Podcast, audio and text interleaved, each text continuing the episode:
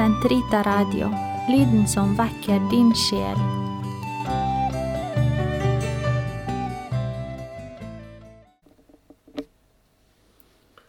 Den katolske kirkes katekisme, uke 12, lørdag, paragraf 1897 til 1904.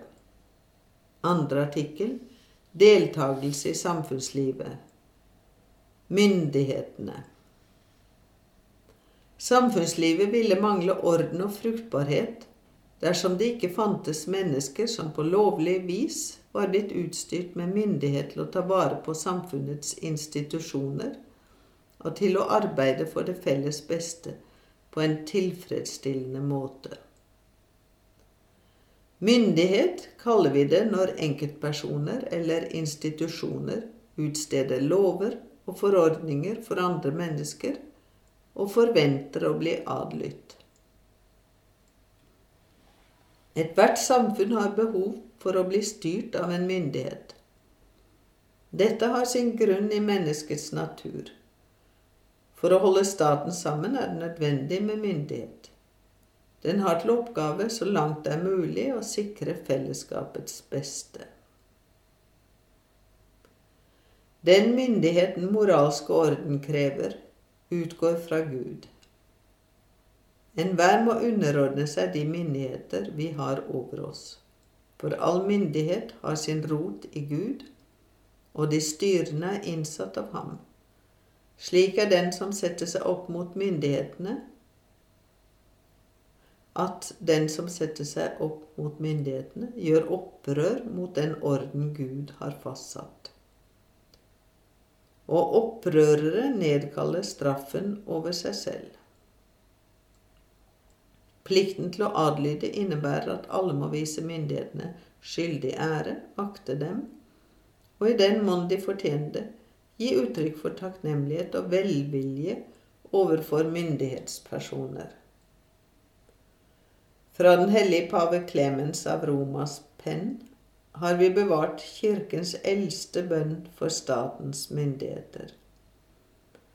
Gi dem, Herre, sunnhet, fred, enighet og fasthet, slik at de på uklanderlig vis kan utøve den myndighet som du har gitt dem. For du, himmelske Herre, evige konge, gir menneskenes barn herlighet og ære og myndighet over det som er på jorden Led du, Herre, deres sinn mot det som er godt og velbehagelig for deg, slik at de i fred og mildhet fromt utøver den myndighet som du har gitt dem, og får del i din nåde. Selv om myndighetsutøvelse hører med til en orden som er fastlagt av Gud, bør valget av regjeringsform og ledere overlates til borgernes frie beslutning. Ulike politiske styringsformer er moralsk sett tillatelige under den forutsetning at de bidrar til det rettmessige felles beste for det samfunn som velger dem. Styringsformer som er av en slik art at de strider mot naturloven, den offentlige orden og grunnleggende menneskerettigheter, kan ikke virke til det felles beste i de nasjoner hvor de har tvunget seg frem. En myndighet er ikke moralsk rettmessig i kraft av seg selv. Den skal ikke opptre tyrannisk, men virke til det felles gode, som en moralsk kraft som støtter seg til den enkeltes frihet og ansvarsbevissthet.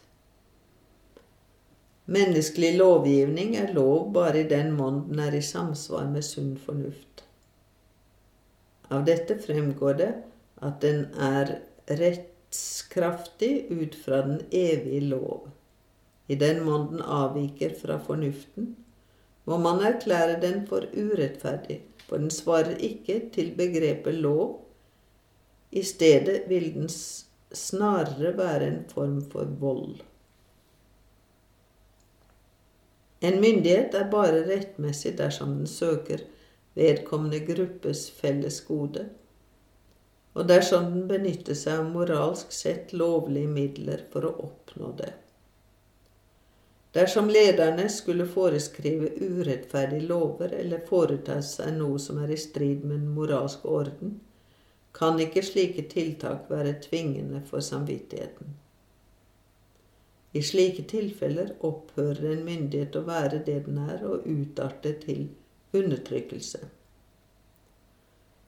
Det er å foretrekke at enhver myndighet oppveies av andre myndighetsorganer som holder den innenfor visse grenser. Det er dette som er rettsstatsprinsippet, hvor det er loven som er den høyeste instans, og ikke menneskers vilkårlighet.